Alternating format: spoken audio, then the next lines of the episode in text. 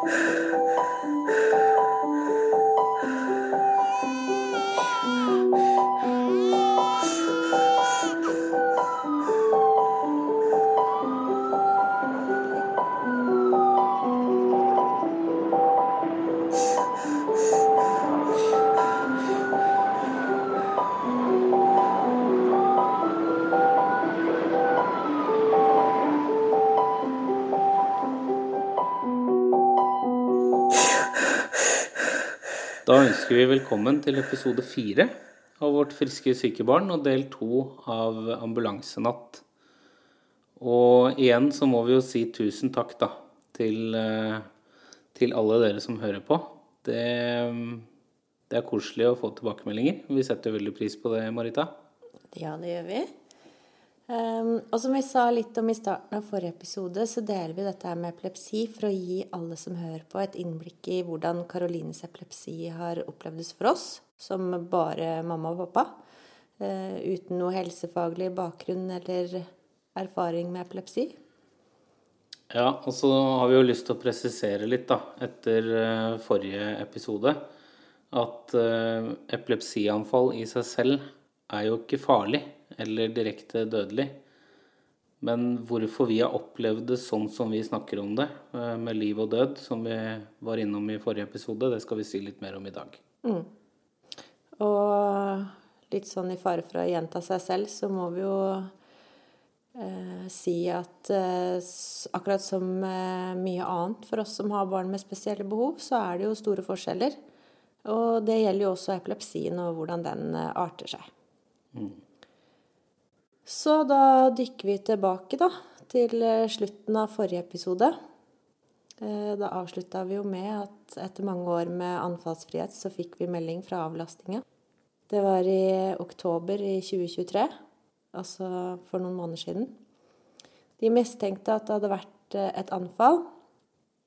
Og opp gjennom årene fra det store siste anfallet i 2013, så har vi jo mistenkt at det har vært noen anfall her og der.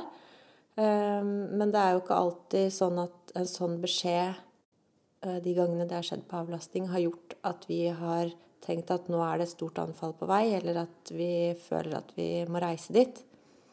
Men den gangen her så kjente du på noe. Ja, det var, eh, det var noe som var litt annerledes, da. Jeg fikk en eh, Jeg vet ikke, jeg klarer ikke å helt beskrive det, men jeg fikk en slags magefølelse. Um, kjente det egentlig litt på kroppen at nå, nå må vi faktisk reise til avlastningen, da. Og fra jeg kom dit, så tok det jo ikke så veldig lang tid før det da kom et, et nytt anfall. Da, for da viste det seg at da var det jo aktivitet. Mm. Og så kom det flere utover kvelden. Det var jo mindre dramatisk enn, enn det har vært tidligere, og enn det vi har beskrevet at vi har stått i. Men så er det jo rart det der. Jeg kjente allikevel liksom de samme reaksjonene, da. Eh, og instinktene og den, den, følelsen du får i kroppen, den kommer jo tilbake med en gang. Men samtidig så var det på en måte Jeg sto i det med en litt større trygghet. Eh, en erfaring på en måte både følelsesmessig, men også praktisk, da. På at det faktisk kan gå bra. Mm. Og jeg var hjemme med lillesøster, eh, og jeg kjente jo på egentlig akkurat det samme som deg. De gamle følelsene som hadde roa seg gradvis med årene, de kom bare tilbake for fullt. Eh, og jeg følte jo at jeg måtte utvise en form for ro og trygghet overfor lillesøster. Eh, og samtidig så forklare, forklare det så enkelt og godt som mulig hva som foregikk, sånn at hun følte at hun var en del av det og forsto det. Mm. Men samtidig så satt jo jeg der selv med skyhøy puls og venta på oppdateringer fra deg. Og jeg husker at det, eh, det var liksom ikke mer enn et par minutter eh, som det var stille fra deg, så kjente jeg at det vokste en enorm frykt inni meg. For da var jeg helt sikker på at det var eh, dårlige nyheter. Mm. Ja, så, så, det er jo litt sånn vi kjente oss igjen begge to, da. I de følelsene og og det du kjenner på når du står i det. Mm. Eh, men vi bestemte oss jo fort for at basert på hvordan ting så ut, da, så var vi enige om at begge bør være der hos Karoline. Så da organiserte vi litt, sånn at lillesøster ble henta av mormor og far, morfar. Um, og igjen, da, så pakka du klar en sykehusbag for Drammens tur på rent instinkt. Ja. Men eh, du satt jo hjemme med lillesøster. Jeg var på avlastningen med Karoline. Hvordan, hvordan forklarte du lillesøster at nå må du til mormor? Eh, Jeg sa jo at nå er det sånn at Karoline har anfall, men at det virker mye roligere enn før. Og så forklarte jeg at eh, siden Karoline er på avlastning, så er det jo personell med medisinsk kompetanse rundt henne. Det hadde jo ikke vi vært vant til fra tidligere, det hadde jo bare vært deg og meg. Og nå er hun jo mye nærmere både ambulanse og sykehus. Eh, og så fokuserte jeg mye på at det var lenge siden forrige anfall, og at dette her antageligvis bare var et lite gjennombruddsanfall, og ikke like farlig, da. Eh, Men at både du og jeg burde være hos Karoline i tilfelle. Mm, og da, da tok vi jo rett og slett Karoline lå jo på en måte i anfall, og så var hun ute av anfall, og så sov hun litt, og så våkna hun og var i anfall igjen. Og imellom der, da, når, når Karoline ikke var i anfall, så facetima vi jo. Eller dere facetima meg. Eh, Og det var jo egentlig for å vise at Karoline var våken og, og litt seg sjøl, da. Mm. Og for å prøve å skape en trygghet, da. Og kanskje redusere frykten til lillesøster litt. Men, men det var jo, jeg husker jo Det var jo også veldig sterkt. For det var jo, hun var jo lei seg og gråt, og vi voksne gråt litt. Og, men akkurat der og da, da så var, føltes det på en måte som det beste vi kunne gjøre. Mm. Vi hadde vel mye frykt alle sammen, men samtidig så så vi jo at I hvert fall vi da, som har vært igjennom det før, så jo at det så bedre ut enn det det har gjort tidligere. Ja. Så det føltes riktig. Ehm, og etter mye dialog da, med AMK og vakthavende lege på sykehuset, som egentlig ønska å få oss til Drammen, da, basert på, på det vi beskrev, så, så landa vi to på å prøve å unngå det, da, i det lengste. eh, så lenge hun på en måte kom til seg sjøl mellom anfallene. Og det er jo på en måte når jeg ser tilbake på det nå, så er det vår erfaringsbaserte vurdering, da. Eh, Vi, vi så relativt små anfall som varte i noen minutter. Det var bortfall av bevissthet, det var bitte lite grann rykking i armer, men det var ikke store anfall. Um, og så var hun raskt oppe da, i oksygenmetning uh, når anfallet var over. Og det, det målte vi jo tidligere med det apparatet vi snakka om i forrige episode. Uh, så eh, det var kanskje en serie da på fire-fem anfall den kvelden, men som roa seg litt av seg sjøl, da. Mm. da, nå høres det jo kanskje litt rart ut at vi ønska å unngå sykehusinnleggelse i en sånn situasjon. Eh, Vi har jo også vært der at vi har insistert på å få lov til å komme på sykehuset i sånne situasjoner før. Så det var litt nytt for oss også. Eh, Men det er noe med det å ha Karoline på sykehuset i våken tilstand. Det er jo ikke noe vi ønsker hvis ikke det er helt nødvendig. Hun eh, har jo krevende utagerende atferd og er veldig tydelig på at sykehus er et sted hun vil vekk fra så fort som mulig. Eh, Og det viser hun jo med hele seg, eh, både med kropp og lyder og alt. Og det er rett og slett ganske uhåndterbart, eh, både for oss og personellet på sykehuset. Og ikke minst så er det jo ikke noe god situasjon for Karoline å være i og bare ville vekk. Nei, og så er det jo noe med det som kreves av utstyr da, for en overnatting. Så er ikke nødvendigvis sykehusene rigga for det. Det ser vi jo nå, når Karolina har blitt så stor. Én ting var jo når jeg var mindre, mens nå er det De hjelpemidlene vi har nå, har de ikke nødvendigvis på et sykehus.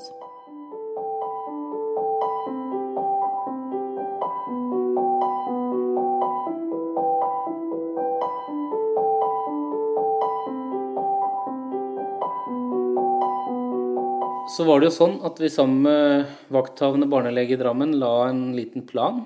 Mm. Det gikk jo litt på hvis anfallene fortsetter og har en varighet på så og så mange minutter, så må vi gjøre tiltak. Og det vi ble enige om, var at ved neste anfall så skulle det gis akuttmedisin. Men da husker jeg at jeg var veldig tydelig med den legen på at det gjør ikke vi uten at det er ambulansepersonell til stede. Og det er jo basert på de erfaringene vi har fra tidligere. Eh, For hun har jo stort sett alltid fått problemer med respirasjon. Mm.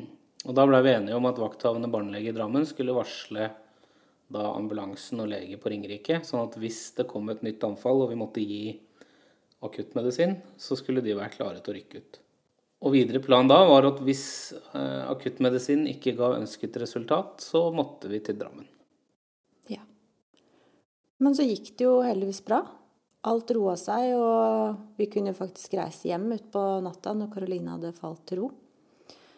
Og vi må jo si at uten den støtten og tryggheten fra de fantastisk ansatte på Austjord, så hadde vi jo aldri tatt det valget om å se an istedenfor å reise rett på sykehuset. De kasta seg jo rundt og gjorde at vi hele veien følte oss veldig trygge. Både på våre egne vegne og på Karolines vegne. Ja, jeg tenker at Én ting er jo at vi føler oss tryggere i lys av de erfaringene vi har. Men, men det er på en måte så Det er så mye omsorg der, da. Sånn helt ut i fingerspissene. ikke sant? De som er der, de, de er helt tydelige på liksom nå, nå sitter vi inne på rommet hennes hele natta, vi gjør ingenting annet, vi bare følger med.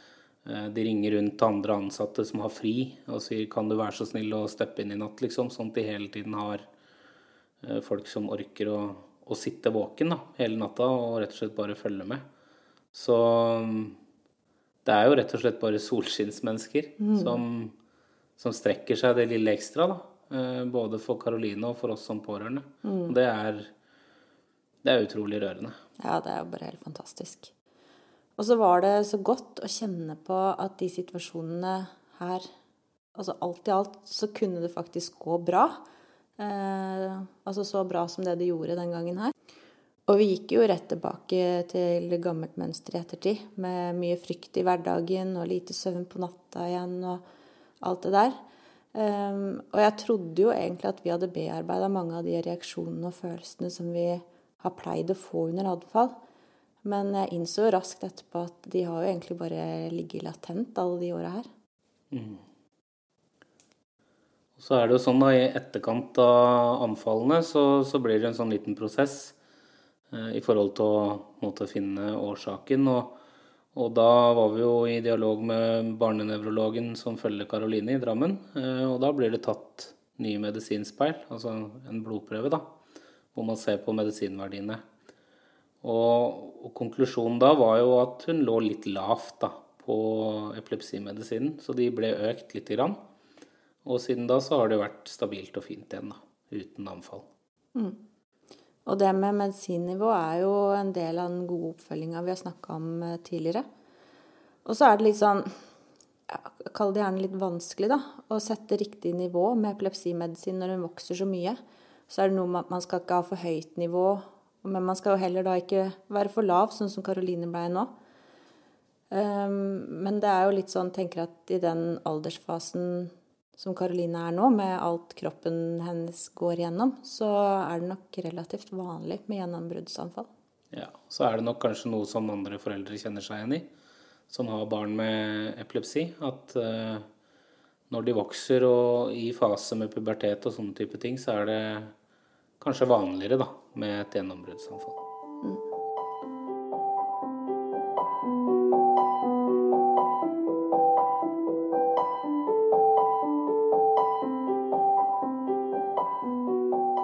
da, Marita, vi har en, eh, en relativt fersk hendelse friskt i minne. Og nå har vi jo snakka om mange erfaringer med epilepsi egentlig fra Karoline var under et år. Hva sitter du igjen med, hvis du ser det under ett? Mm, ja.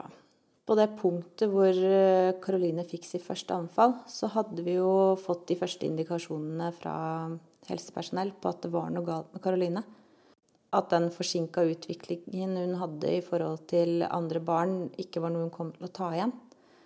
Eh, og du veit at datteren din er syk, eh, og så får du de anfallene her, og da blir det en helt ny dimensjon. Ja, og for når, du sier anfallene Vi hadde jo overhodet ingen erfaring med epilepsi, og har ikke sett på en måte et epilepsianfall. Altså, vi tenkte jo ikke på det i det hele tatt. Nei. Og vi hadde jo ingen diagnose på Karoline da, så vi visste jo egentlig ingenting. Eh, så det vi opplevde og så, det kobla vi bare rett på det at hun ikke var frisk. Eh, og så hadde vi jo fått noen diagnoser i forkant av de første anfallene. Som jo hadde blitt avbekrefta av blodprøver. Men allikevel så var jo noen av de diagnosene som kom opp, så var det potensielt tidlig dødelig utfall. Eh, og da blei jo epilepsien en trigger eh, når anfallene var så alvorlige. Mm. Og så er det jo mange minner som eh, er veldig følelseslada. Altså, samtidig har det forma oss som personer, tenker jeg. Vi har blitt sterkere individer. Og funnet ut at vi er jo bare helt rå på å håndtere krevende situasjoner sammen som par. Og så er det jo ikke til å stikke under en stol at vi har blitt ekstremt lettrørt. Eller altså følelsene sitter liksom mer utapå kroppen vår da, enn det den kanskje gjorde før. Mm. Ja, det er jeg helt enig med deg i. Men det er også samtidig litt sånn øh, Når man ser tilbake Man får litt perspektiv på ting, da. Når vi har stått i de situasjonene, så er litt sånne øh, hverdagslige utfordringer, da. Den strømregninga eller altså litt sånn, sånn, Du tenker litt annerledes. Mm. du får et litt annet mindset da, etter å ha stått i de tinga her.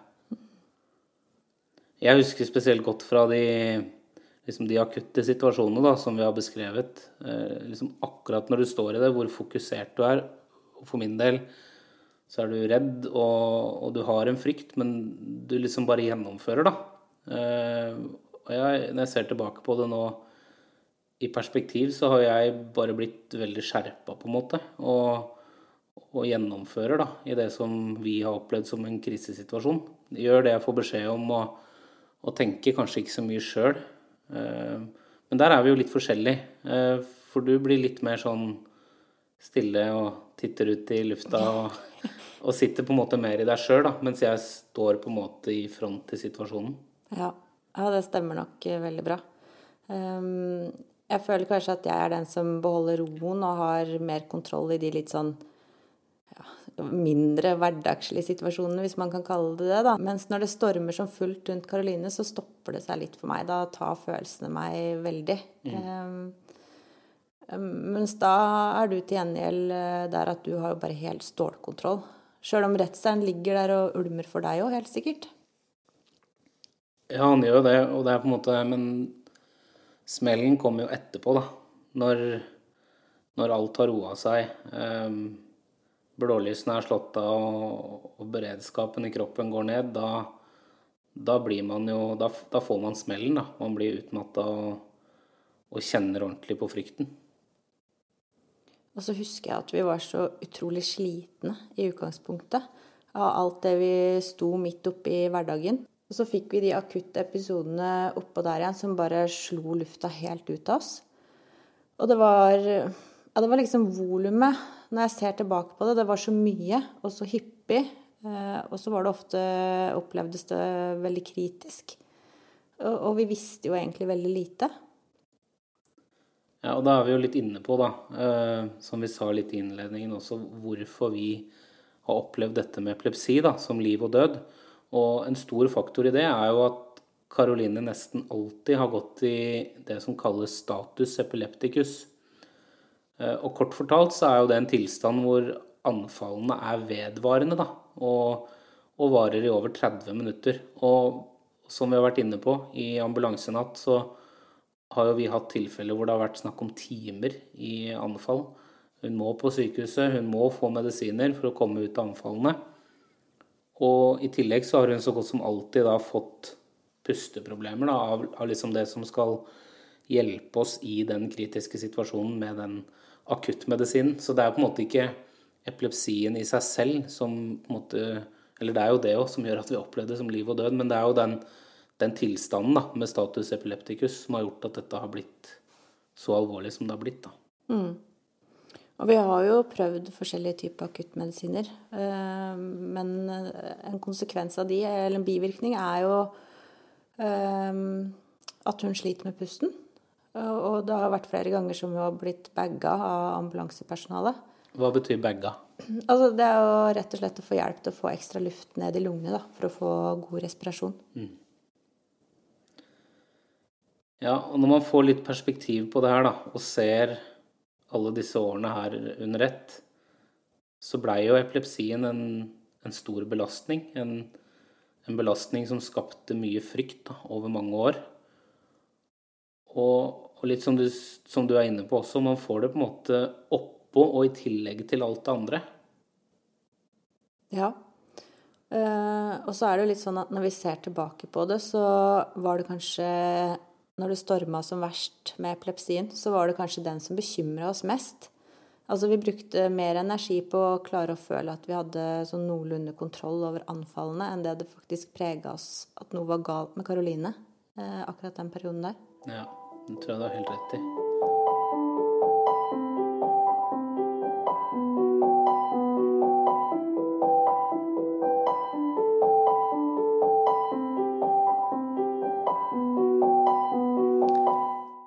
tenker jeg vi kan jo kanskje si noe om hvordan vi har tenkt som foreldre med tanke på søsken oppi alt dette her. Karoline har jo en storebror og en lillesøster. Ja, det syns jeg er fornuftig å gjøre. Og vi kommer jo til å snakke mer om det å være søsken til barn med spesielle behov. Men sånn akkurat i forhold til, til epilepsien, da, så, så, må jeg si at jeg tenker at vi har vært heldige, eh, hvis man kan si det sånn, at anfallene stort sett da, har kommet på kvelden eller natta. Og det, det, har jo bidratt til at det har på en måte vært lettere å skjerme søsken. Da. Eh, skjerme de for ja, opplevelsene. Eh, det synet vi sitter med. Eh, det, er, det, kjenner jeg at jeg er oppriktig glad for at vi har fått til. Mm, jeg er helt enig. Og, og etter hvert så fikk vi jo på en måte en rutine under anfallene. En av oss ringte mamma, og den andre ringte 113. Og så rakk jo stort sett alltid mormor og morfar å komme før ambulansen, eh, siden de bodde veldig nærme. Så mormor hjalp oss med Karoline, og morfar satte seg i trappa opp til soverommet til storebror og passa på at han eh, sov mens ambulansepersonalet var i huset. Ja, og når vi reiste til sykehuset, så, så blei jo de alltid igjen eh, med storebror. Og, og flere ganger var jo Karolines farmor sjåfør for denne som ikke kunne være med i ambulansen eller, eller helikopteret, da. Rett og slett for at vi ikke skulle måtte kjøre aleine. Ja, og så fikk jeg etter hvert litt mer dreisen på hva som var fornuftig å ha i den eh, bagen som vi skulle ha med på sykehuset. Um, og vi hadde en rutine på alt lå klart, så det på en måte bare var å putte det rett i bagen. Uh, og du visste jo hva som måtte gjøres, og akkurat hva du burde informere om og si til AMK. Mm. Jeg kjente det godt da, under det siste anfallet nå i høst. Litt som jeg sa i stad, at du står i det med en annen erfaring. da. Du, du føler på en måte at man er mer drilla. Uh, og den eneste liksom sånn utfordringen vi ikke har hatt før, da, som vi hadde nå, var jo på en måte å best mulig få informert og trygga uh, lillesøster, da, som jo tidligere ikke har på en måte vært født og vært til stede uh, når det har vært anfallssituasjoner tidligere. Vi har jo helt siden lillesøster var liten, delt historiene rundt Karoline. Eh, vi har bare passa på å tilpasse ordlyden og, ja, og, dramatikken i historiene etter lillesøsters alder. Så det, når det, nå i oktober kom et anfall, så visste hun jo i utgangspunktet godt hva det handla om. Eh, men naturlig nok så ble jo hun også redd. Og selv om vi tydelig viste henne at den gangen her så følte vi oss tryggere, og fortalte at Karoline hadde det så bra som det hun kunne under anfallet, så, så satt jo litt av den frykten hos henne. Og jeg husker vi var veldig opptatt Hun var veldig opptatt av at hun ville ha informasjon hele veien. Mm. Eh, så det var jo noe vi gjorde. Vi sendte henne meldinger og ringte og fortalte hele tiden hvordan det gikk. Og da gikk det jo heldigvis veldig bra. Mm. Så det var jo gode tilbakemeldinger vi kunne komme med. Ja. Og så er det jo ikke sånn at, at lillesøster ikke har fått all informasjon om hva det er med Karoline, om sykdom og diagnose. Det har hun fått, men hun har ikke fått alt på en gang. Og hun har fått det på en måte gradvis etter hvert som hun har blitt eldre da, og har en større evne til å, å forstå og reflektere og snakke om det med mm. oss. Og det er jo sånn vi løste det. Um, og så er det jo vanskelig å si om noe er rett eller galt. Det er, det er store forskjeller. Men sånn totalt sett, da, så tror jeg vi skal være glade for at eh, vi har skåna søsken for bildene med blålys, ambulansepersonell, livredning, alle de hendelsene da, som har vært i, i hjemmet. Det gjør noe med deg når du, når du står i ditt eget hus og ser blålyset og slår inn. Eh, men, men, samtidig så betyr jo ikke det at de ikke har blitt prega. Eh, de har jo sine minner. Og det, det kommer vi jo tilbake til i, i litt senere episoder, da. Mm. Dette med søsken. Mm. Det skal vi snakke en del om. For det er vanskelig. Og så er det, er det litt sånn at når den eh, epilepsidiagnosen kom, så husker jeg i hvert fall for meg så blei det en lettelse. Det var liksom en forklaring. Um, og det skapte et håp da, om at det var epilepsien som gjorde at utviklingen var forsinka. Så jeg tenkte med en gang bare sånn åh, bare hun får medisiner, så tar hun det igjen. Det er sånn som vi prata om i Glitter til glitter, ja, episoden. At jeg var jo veldig opptatt av den derre kuren. Mm. Og den følte jeg liksom jeg fikk der, da. Mm. Um, at ja, bare når hun får medisiner nå, så, så tar hun det igjen og blir som de andre. Men så var det jo ikke sånn. Uh, Epilepsien var jo en konsekvens av utviklingshemmingen, og ikke årsaken til den. Og realiteten for oss er at håpet om at den forsinka utviklingen skal korrigeres, den brister jo igjen. Mm. Og alt blir annerledes. Og følelsene man får av at du er annerledes, at barnet ditt er annerledes, livet ditt og livet vårt er annerledes, det skal vi snakke om i neste episode som handler om alt som følger med når alt er annerledes. Mm. Så tusen takk til alle som lytter. Tusen takk.